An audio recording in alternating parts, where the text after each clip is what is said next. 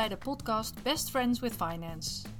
Ben jij die vrouwelijke ondernemer die vol passie bezig is om haar bedrijf te laten groeien, maar vind je finance maar noodzakelijk kwaad? Wij, Antonia Eilander en Monique Bush, gaan je op een luchtige manier meenemen in financiële zaken, zodat finance voor je gaat werken in plaats van dat het je tegenhoudt in de groei van je bedrijf. Kortom, zodat finance ook jouw best friend wordt.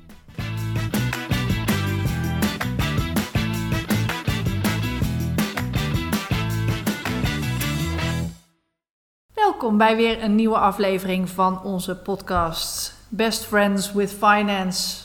Monique en ik zitten weer gezellig naast elkaar. We hebben er weer zin in en we hebben weer een leuk onderwerp voor jullie voorbereid. Een Monique die volgens mij, als ik het goed herinner, heb jij daar twee weken geleden al aan gerefereerd. Ja, ja, klopt. Twee weken geleden hadden wij de podcast over funding. En daar kwam natuurlijk ook naar voren dat als jij externe funding wilt zoeken, dat je dan met een ondernemingsplan naar eh, partijen toe moet. En vandaag gaan we eens wat dieper op dat ondernemingsplan in. Dat is op zich wel weer een onderwerp waar je ook best wel wat meer eh, podcasts over op kunt nemen. Maar we beginnen gewoon eens even met het eh, waarom en uit welke onderdelen dat dan zou moeten bestaan. Ja, supergoed idee. Ik denk dat dit zeker ook daarbuiten een heel welkom podcastonderwerp is. Want het is inderdaad, we hadden het natuurlijk tijdens de funding podcast ook al even over zeker op het moment dat je gaat groeien, is het gewoon heel belangrijk dat je eventjes weer alles op een rijtje zet en weet van nou, dit is wat we aan het doen zijn, zo gaan we het doen en dit is de planning. Ja. En dat is eigenlijk binnen elke onderneming misschien wel periodiek fijn om daar nog weer eens een keertje naar terug te kijken. Van hé, hey, wat was ik nou eigenlijk van plan en ben ik dat nu ook aan het doen? Of zijn we onderweg afgedwaald? Is het niet eigenlijk meer een soort projectdocument van je eigen ja. bedrijf? Ja, want nou ja, ik zei net wel van als je naar externe partijen gaat, moet je dat plan hebben. Maar je moet het ook voor jezelf willen doen. Zie het maar als een soort planning van of een routekaart als je een, lange reis uh, gaat maken. Dan wil je ook wel wat uh, zaken plannen, en zeker met een onderneming. Kan natuurlijk met een reis best zo zijn dat je denkt van nou, ik, pak mijn rugzak en ik zie wel uh, op Schiphol welk, welk vliegtuig ik pak. Maar voor een onderneming wil je daar misschien dan toch wel wat langer over nadenken. Ik zeg zelf altijd van nou, een plan is pas een plan als het op papier staat.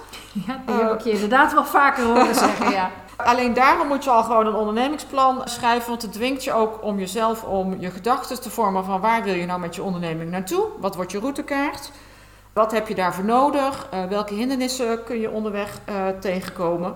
Zodat je ook gewoon kunt zorgen dat de risico's die je tijdens het ondernemen tegenkomt, dat je die op tijd uh, ziet en dat je daar ook gewoon op tijd een actieplan voor kunt maken. Top. Ja, dus nou, als we eens even gaan kijken van nou, wat zijn nou de doelen voor een ondernemingsplan. Nou, allereerst, ik zei het net al een beetje, richting en focus. Helpt je om uh, heel duidelijk doelen en richtlijnen vast te stellen. Die stip aan de horizon, waar wil je nou uiteindelijk naartoe? Wat is je missie? Wat is je visie? Wat is je lange termijn doel? Niet alleen voor jezelf, maar ook als je met een team uh, werkt. En dat kan dan, uh, kunnen dan medewerkers zijn of als je met een team van zelfstandigen om je heen werkt, dan is het natuurlijk voor iedereen heel, heel fijn welke kant we opgaan en welke stip aan de horizon we ons moeten richten.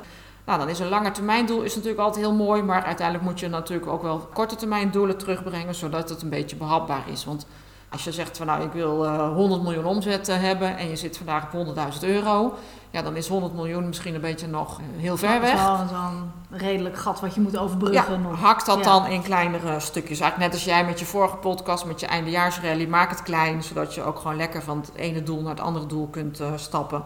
En dat je nou inderdaad ook gewoon wat te vieren hebt. Ja, het dwingt je om na te denken over je strategie. Wat is je doelgroep? Uh, hoe onderscheid je je van concurrenten? Uh, wat gaat je marketingstrategie worden? Waar zitten de sterke punten van je plan? Waar zitten nog de zwakke punten waar je wat beter over na moet denken? Dus het helpt je echt heel goed te visualiseren wat je met je bedrijf wilt gaan doen. Dus die is eigenlijk, dat zijn eigenlijk al gewoon twee doelen waar je helemaal nog helemaal geen externe partijen verder bij nodig hebt, maar waar je het vooral voor jezelf zou moeten willen doen. De volgende is wel een externe. Dat is als je inderdaad externe financiering nodig hebt. Dan moet je natuurlijk heel goed kunnen vertellen wat je wilt, waar je het geld voor nodig hebt en wat je verwacht dat het uh, gaat opleveren. Uh, om te zorgen dat investeerders vertrouwen krijgen in jouw uh, plannen en in de levensvatbaarheid van je bedrijf. Nou, dat is, ja, die hadden we natuurlijk al heel eventjes ja. aangestipt. En ik denk dat dat gewoon ook heel belangrijk is. Maar ik vind het ook echt super dat je toch stilstaat bij die eerste twee topics die meer voor de ondernemer zelf zijn eigenlijk dan voor de externe partijen. En hoe belangrijk die toch ook zijn. Ja, ja. Nou, en zeker, uh, jij had het vorige keer ook over de eindejaarsrally. Ik denk dat heel veel ondernemers, ook zo aan het einde van het jaar, in de kerstperiode, als het allemaal wat, uh, wat rustiger is, ook inderdaad eens even terugdenken aan het afgelopen jaar. En hoe leuk is het dan om je ondernemingsplannen bij te pakken en te kijken van nou, wat heb ik wel gerealiseerd en wat niet. En hoe ga ik dat dan vervolgens voor het komend jaar uh, aanpakken. Dus nou ja, ik denk dat het ook heel goed is om, uh, nou ja, om je gedachten op papier uh, te zetten. Ja. ja, wij doen dat natuurlijk ook eigenlijk elk jaar in januari eventjes kijken van nou, wat, Gaan we ook wat willen we nou voor het komende jaar? Wat willen we nou bereiken? Wat, hoe, hoe, willen we dat dan gaan doen? Ja. Vaak nemen we dan ook de jaren daarop nog wel in gedachten een beetje mee. Maar je, je maakt toch ook wel echt even een, een plan voor het jaar wat komt. Ja. Nou ja, en inderdaad niks leuker om dan aan het einde van het jaar even te kijken van nou, waar zijn we nou eigenlijk geland? Ja, welke vinken we uh, af? precies. Ja. En, en wat moet nog even blijven staan en moeten we eigenlijk in januari weer meenemen? Want blijkbaar Ja. was de planning net niet helemaal strak genoeg. Nee. Of er zijn onderweg natuurlijk andere dingen. Hè? Want het de ondernemer blijft natuurlijk ook gewoon af en toe kunnen bijschakelen en Ja. even, even bijsturen. Ja, en ondernemen is natuurlijk eh, per definitie eh, gewoon te accepteren van risico's. Maar het doel met een ondernemingsplan kan ook zijn dat je aan de voorkant gaat nadenken van nou, welke mogelijke risico's en uitdagingen kun je tegenkomen bij de uitvoering van je plan. En wat zijn daar dan ook mogelijke oplossingen voor? Dus niet dat je niet verrast wordt, maar dat je daar gewoon aan de voorkant al kunt eh, anticiperen. En nou ja, en daarmee mitigeer je de risico's en kun je andere risico's dan waarschijnlijk ook wel weer wat beter eh, opvangen. Dus de muziek in mijn oren. Ja, hè, uiteraard. dit, eh, uiteraard bij iedere financial. ja, zegt dat wel dat je geen financial bent, maar stiekem doe je Stiekem natuurlijk toch gewoon, gedraag ik me best wel zo af en toe. Hè? Ja. Nou, wat ik ook het leuk vind van een ondernemingsplan is dat je daar ook, eh, dat je daar ook een financiële prognose en een budget maakt. Zodat je ook gewoon kunt zien van nou, hoeveel geld heb je nodig voor de komende periode. Wanneer word je winstgevend? Hoeveel, hoeveel mensen heb je eigenlijk nodig? Wat moet je gaan doen om die plannen te realiseren? Zodat je ook weer gaat kijken van nou, jongens, als dit nou mijn omzetdoel is voor een bepaald jaar. Ja, heb je, dan eh, moet je mensen gaan inhuren of moet je mensen op een andere manier gaan eh, aansturen. Dus ook dat is een heel eh, belangrijk onderdeel van het ondernemingsplan. En het geeft je ook een mooie blauwdruk voor eh, de groei van je bedrijf. Ik denk dat de meeste ondernemers wel de ambitie hebben om een bedrijf te laten groeien. Nou, dan kun je dat met een ondernemingsplan ook eens even mooi op papier zetten. Welke kansen zie je om eh, uit te breiden en te groeien? Hoe ziet die nieuwe markt eh, er eventueel uit?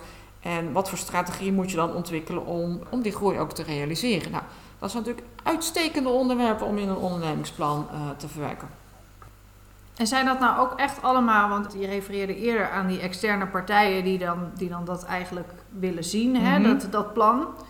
Maar uiteindelijk is het afhankelijk van, van het level waar je financiering probeert te halen. Ja. Is, is het natuurlijk een compleet ondernemingsplan, is eigenlijk altijd wel wenselijk. Ja, het ziet er altijd wel heel professioneel uit. Als je gewoon een totaalplaatje hebt. Zo goed, Ja, maar ook ja. bij een angel investor is bijvoorbeeld zijn die eerste twee topics die je noemde ook weer Ja. heel erg belangrijk. Hè? Want die gaan vooral op de persoon, op de Ja. ondernemer, op het gevoel. Op je dromen. Gelo- Op- op- geloven ze in Precies, je dromen. Ja, Denken ze dat je het waar kunt maken. Nou, geloof jij het, geloven zij het daardoor en, en zien ze dan de, de mogelijkheden dat dat ook opgezet wordt. Ja, nou, wat we ook bij een ondernemingsplan zien, is dat het heel belangrijk is voor de besluitvorming. En als we dan vervolgens nog eens verder kijken, een ondernemingsplan kan ook heel mooi dienen als een leidraad om eh, belangrijke beslissingen eh, te nemen. Er komen natuurlijk heel veel kansen komen er voorbij in je ondernemersleven.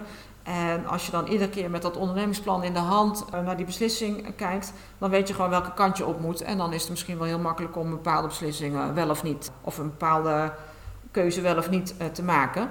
En dan ga je natuurlijk iedere keer terugkijken van nou, wat had ik nou vooraf als doel vastgesteld en wat nou was nou mijn plan en hoe blijf ik nou gewoon op mijn plan op de goede route. Dus ook daar is het ook weer vooral voor jezelf echt interessant om een ondernemingsplan eh, te maken. Ja, ja, dat geeft natuurlijk heel veel structuur aan je eigen, aan je eigen gedachten. En Ja. wij hè, als ondernemer Het springt alle kanten op. Precies, het is soms heel verleidelijk en dan zien Ja. we weer nieuwe mogelijkheden, nieuwe kansen. Ja. En dan ben je toch sneller afgeleid dan je soms wel zou willen. En dit houdt je toch Ja.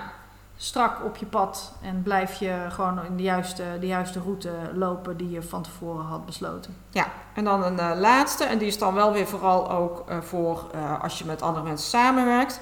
Het opstellen van ondernemersplan creëert ook een soort gevoel van verantwoordelijkheid en een gezamenlijke missie. Waardoor je dus mensen ook meekrijgt om uiteindelijk jouw plan te realiseren. Dus op het moment dat je mensen heel duidelijk kunt laten zien van ja, maar dit is het plan waar we naartoe gaan, ja, dan vinden mensen dat ook leuk om daaraan aan mee te werken. En eigenlijk stiekem ook voor jezelf, hè? Ja. Want zolang het niet op papier staat, is het geen plan. Is het geen plan. En ja, voel je toch zelf, kun je ook wat makkelijker afwijken van ja, daar heb je gelijk. de gestelde doelen. Hè? Het is toch ook voor jezelf die verantwoordelijkheid zoeken ja. en jezelf accountable houden, is, is denk ik toch ook wel een, een heel goed doel. Ja, ja. Stok achter de deur. Ja, van, een, van een ondernemingsplan. ja. Nou, nou is eh, deze podcast natuurlijk niet de plaats om heel uitgebreid over ondernemingsplan op eh, de inhoud in te gaan. Maar ik wil eigenlijk nog wel een aantal onderdelen aanstippen waar, eh, waar je in een ondernemingsplan aandacht aan zou moeten besteden. En dan zouden we in een andere podcast zouden daar wel eens wat dieper op in kunnen gaan. Als je een ondernemingsplan schrijft, dat hoeft echt geen dik boekwerk te worden. Dat kan echt in een paar A4'tjes, als je het maar gewoon heel duidelijk voor jezelf hebt. Je ziet wel vaak dat als je het niet duidelijk hebt, dat je heel veel tekst nodig hebt. Dus hoe duidelijker het voor jezelf in je hoofd is, hoe korter het vaak ook op papier uh, kan, uh, kan komen. Het begint uiteraard met een inleiding waarin je vertelt wat voor onderneming je hebt, wat is je concept, uh, wat is je missie, je visie, je doelen. Waar wil je uiteindelijk naartoe? Waarom ben je met het bedrijf begonnen? Wie ben je zelf? Het is natuurlijk ook altijd even leuk om de ondernemer achter de onderneming te laten zien. Nou, als je dat op een hele korte manier kunt presenteren, dan heb je natuurlijk al heel snel een goede indruk van je bedrijf gegeven. Daarna begin je met een marktanalyse en je doelgroep. Voor wie doe je dit bedrijf nou? Wat we wel eigenlijk zelf ook altijd zien, dat je doelgroep heel goed moet kiezen. En je kiest en je wordt gekozen. Ik weet dat ik heb heel lang interimwerk gedaan. En toen was ik interim controller. En toen kon ik eigenlijk alles op financieel vlak. En toen zei eens een keer iemand tegen mij van ja, maar die zoekt natuurlijk niemand. Als we een interimcontrole zoeken, dan zoeken we altijd iemand die of heel sterk is in verslaggeving of heel sterk is in kostcontrole. Maar we zoeken nooit iemand die alles kan. Dus je moet wel heel duidelijk ook uh, keuzes durven maken in je, in je doelgroep. Ja, en laat dan ook zien dat je die markt goed kent. In welke markt beweeg je? Wie zijn je concurrenten? Uh, maak bijvoorbeeld een SWOT-analyse waarbij je de sterktes en de zwaktes van je eigen bedrijf opschrijft. En nou, de kansen en de bedreigingen in de markt. Zodat je een beetje een breder eh, plaatje schetst van hoe uh, jouw omgeving uh, eruit uh, ziet. Zodat je ook gewoon heel goed ziet wie je tegenkomt in de markt. Ja, duidelijk. Ja, ja nou, dan gaan we daarna natuurlijk door naar welke producten en diensten bied je nou eigenlijk aan. Dat kan natuurlijk een heel droog lijstje zijn van wat je aanbiedt. Maar wat je eigenlijk moet doen is van nou, wat zijn nou unique selling points, je echte unieke verkoopargumenten. Waar, waarom zit de klant op jou te wachten? Welke toegevoegde waarde bied je? En wat ben je eigenlijk van plan om nog verder aan productontwikkeling en innovatie uh, te gaan doen? Zodat je ook gewoon heel goed uh, laat zien van nou, we staan, vandaag staan we hier. Dat is natuurlijk nog niet af, want je blijft ontwikkelen. En volgend jaar willen we daar staan. Ja, en dan begint natuurlijk toch, en dat is niet het onderwerp van uh, financials, maar uh, de marketing en de verkoopstrategie. Hoe ga je nou zorgen dat je je doelgroep uh, bereikt en dat je je omzet gaat realiseren? Nou, daar, ik denk dat ondernemers daar wel heel vaak heel goed weten wat ze willen doen. Dus dat is wel een makkelijk hoofdstuk in het ondernemingsplan. Je kunt uiteindelijk ook beschrijven hoe je organisatie eruit moet zien. Wie heb je nodig? Welke verantwoordelijkheden? Kunnen dat interne mensen zijn of heb je externe adviseurs nodig? Probeer een beetje aan te geven nou, met welke middelen je je doelen gaat realiseren. Ja, en dan komt uiteindelijk, stap 6, de financiële prognoses. En dan zit je natuurlijk weer gewoon hier aan de, aan de juiste tafel. Probeer inderdaad je omzet te prognosticeren, je kosten. En kijk dan niet alleen naar volgend jaar, maar ook naar bijvoorbeeld de twee jaar daarna. Probeer een wat meer langere termijn planning te maken. Uh, welke investeringen ga je doen? Heb je financieringsbehoeften? En dat vraagt dan wel weer wat meer kennis. Maar kun je iets van een cashflow-prognose maken, zodat je ook laat zien hoe je cashflow-behoefte door uh, in de loop van het jaar is. Als je nou, erg, heel erg met een seizoenspatroon werkt, ja, dan zijn er bepaalde periodes van het jaar dat je meer geld nodig hebt dan andere periodes. En nou, als we natuurlijk ook net heel goed de podcast van Antonia van vorige week geluisterd hebben, dan weten we dat de, de balans aan het einde van het jaar er altijd heel mooi en heel netjes uit moet zien. Maar daar was natuurlijk ook wel een beetje de ondertoon dat dat niet het hele jaar het geval is. Dus ook voor jezelf is het heel goed om te kijken van nou, wat gebeurt er door het jaar uh, heen in je, in je cijfers. En probeer daar natuurlijk wel heel realistisch uh, in te zijn. Uh, wat ik zelf eigenlijk altijd adviseer, is probeer gewoon drie plannen te maken. Zeg gewoon een plan van nou, dit, dit lijkt mij een heel realistisch plan. En ga dan een plan maken waarbij je heel groot droomt. Stel nou, alles valt mee, alles valt op de goede plaats.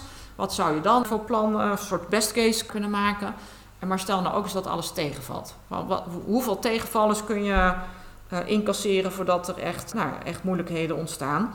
En op het moment dat je een beetje met die drie scenario's gaat spelen, nou, dan zie je ook al wel weer gelijk mogelijkheden om nou, bijvoorbeeld een slecht scenario om dat te ondervangen. En nou, een goed scenario gaat natuurlijk nooit altijd alles goed. Maar ja, stel nou wel dat je een hele mooie opdracht binnenkrijgt of dat je een hele grote klant uh, binnen kunt halen.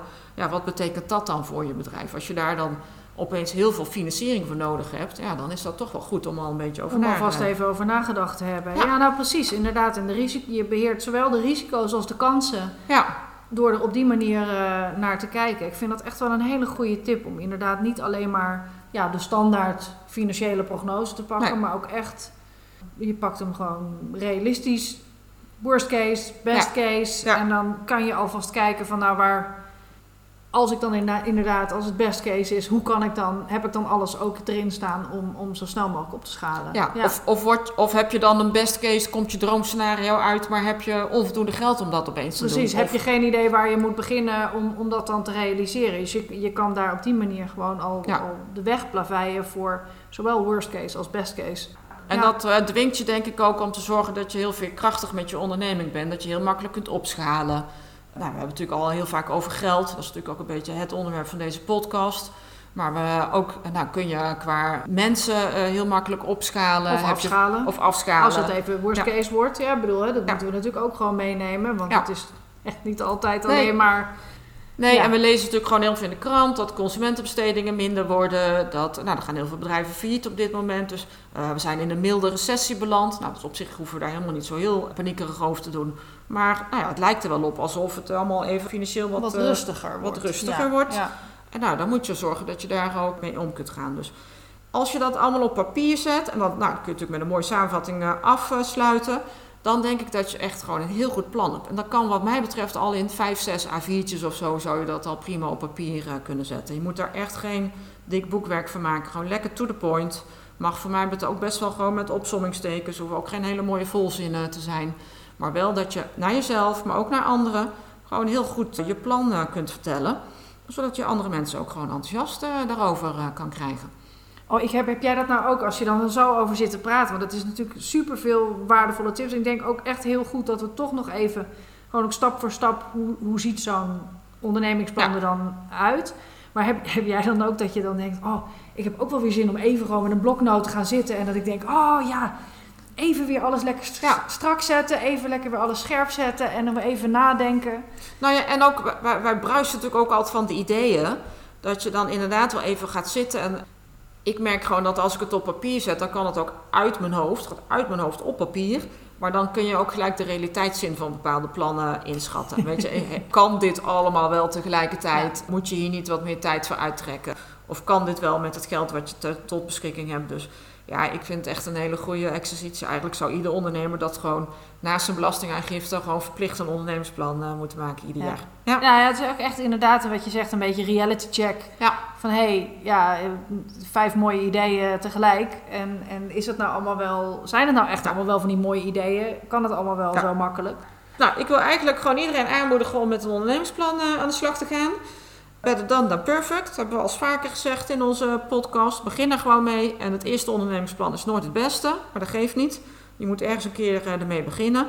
En je merkt gewoon dat je daar in de loop van de tijd uh, beter in wordt. En nou, tegen de tijd dat je inderdaad gewoon echt een hele grote plan hebt en financiers nodig hebt, nou, dan ben je daar ook gewoon goed in bedreven en dan uh, kun je een fantastisch ondernemingsplan uh, presenteren. Wat natuurlijk alleen maar bijdraagt aan je pitch bij een, nou, bijvoorbeeld bij een financiering. Dat is inderdaad, het maakt het gewoon heel tastbaar. Het, het maakt je verhaal steeds beter en steeds ja. duidelijker. Je gaf net al aan van het haalt het uit je hoofd en het zet het op papier. Maar dat maakt ook dat er in je hoofd weer gewoon ruimte is om het, ja, om het goed en, en duidelijk te kunnen verwoorden wat je nou eigenlijk wil en waar je voor staat en waarom. Ja.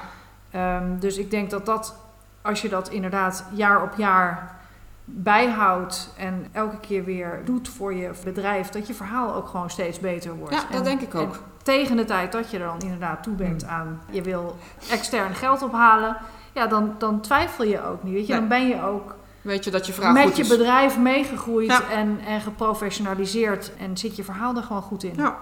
Inderdaad. ik, ik- denk, wij zijn, wij zijn het wel weer eens. Wij zijn het zeker eens. Ja, en het is gewoon weer een heel mooi onderwerp. Wat je weer super hebt uitgelegd en doorlopen. Met een heleboel tips en een heleboel aanmoediging voor iedereen. Om zo snel mogelijk een mooi ondernemingsplan op te schrijven. Ja, veel succes ermee. En eh, dank voor het luisteren deze keer. Tot de volgende keer.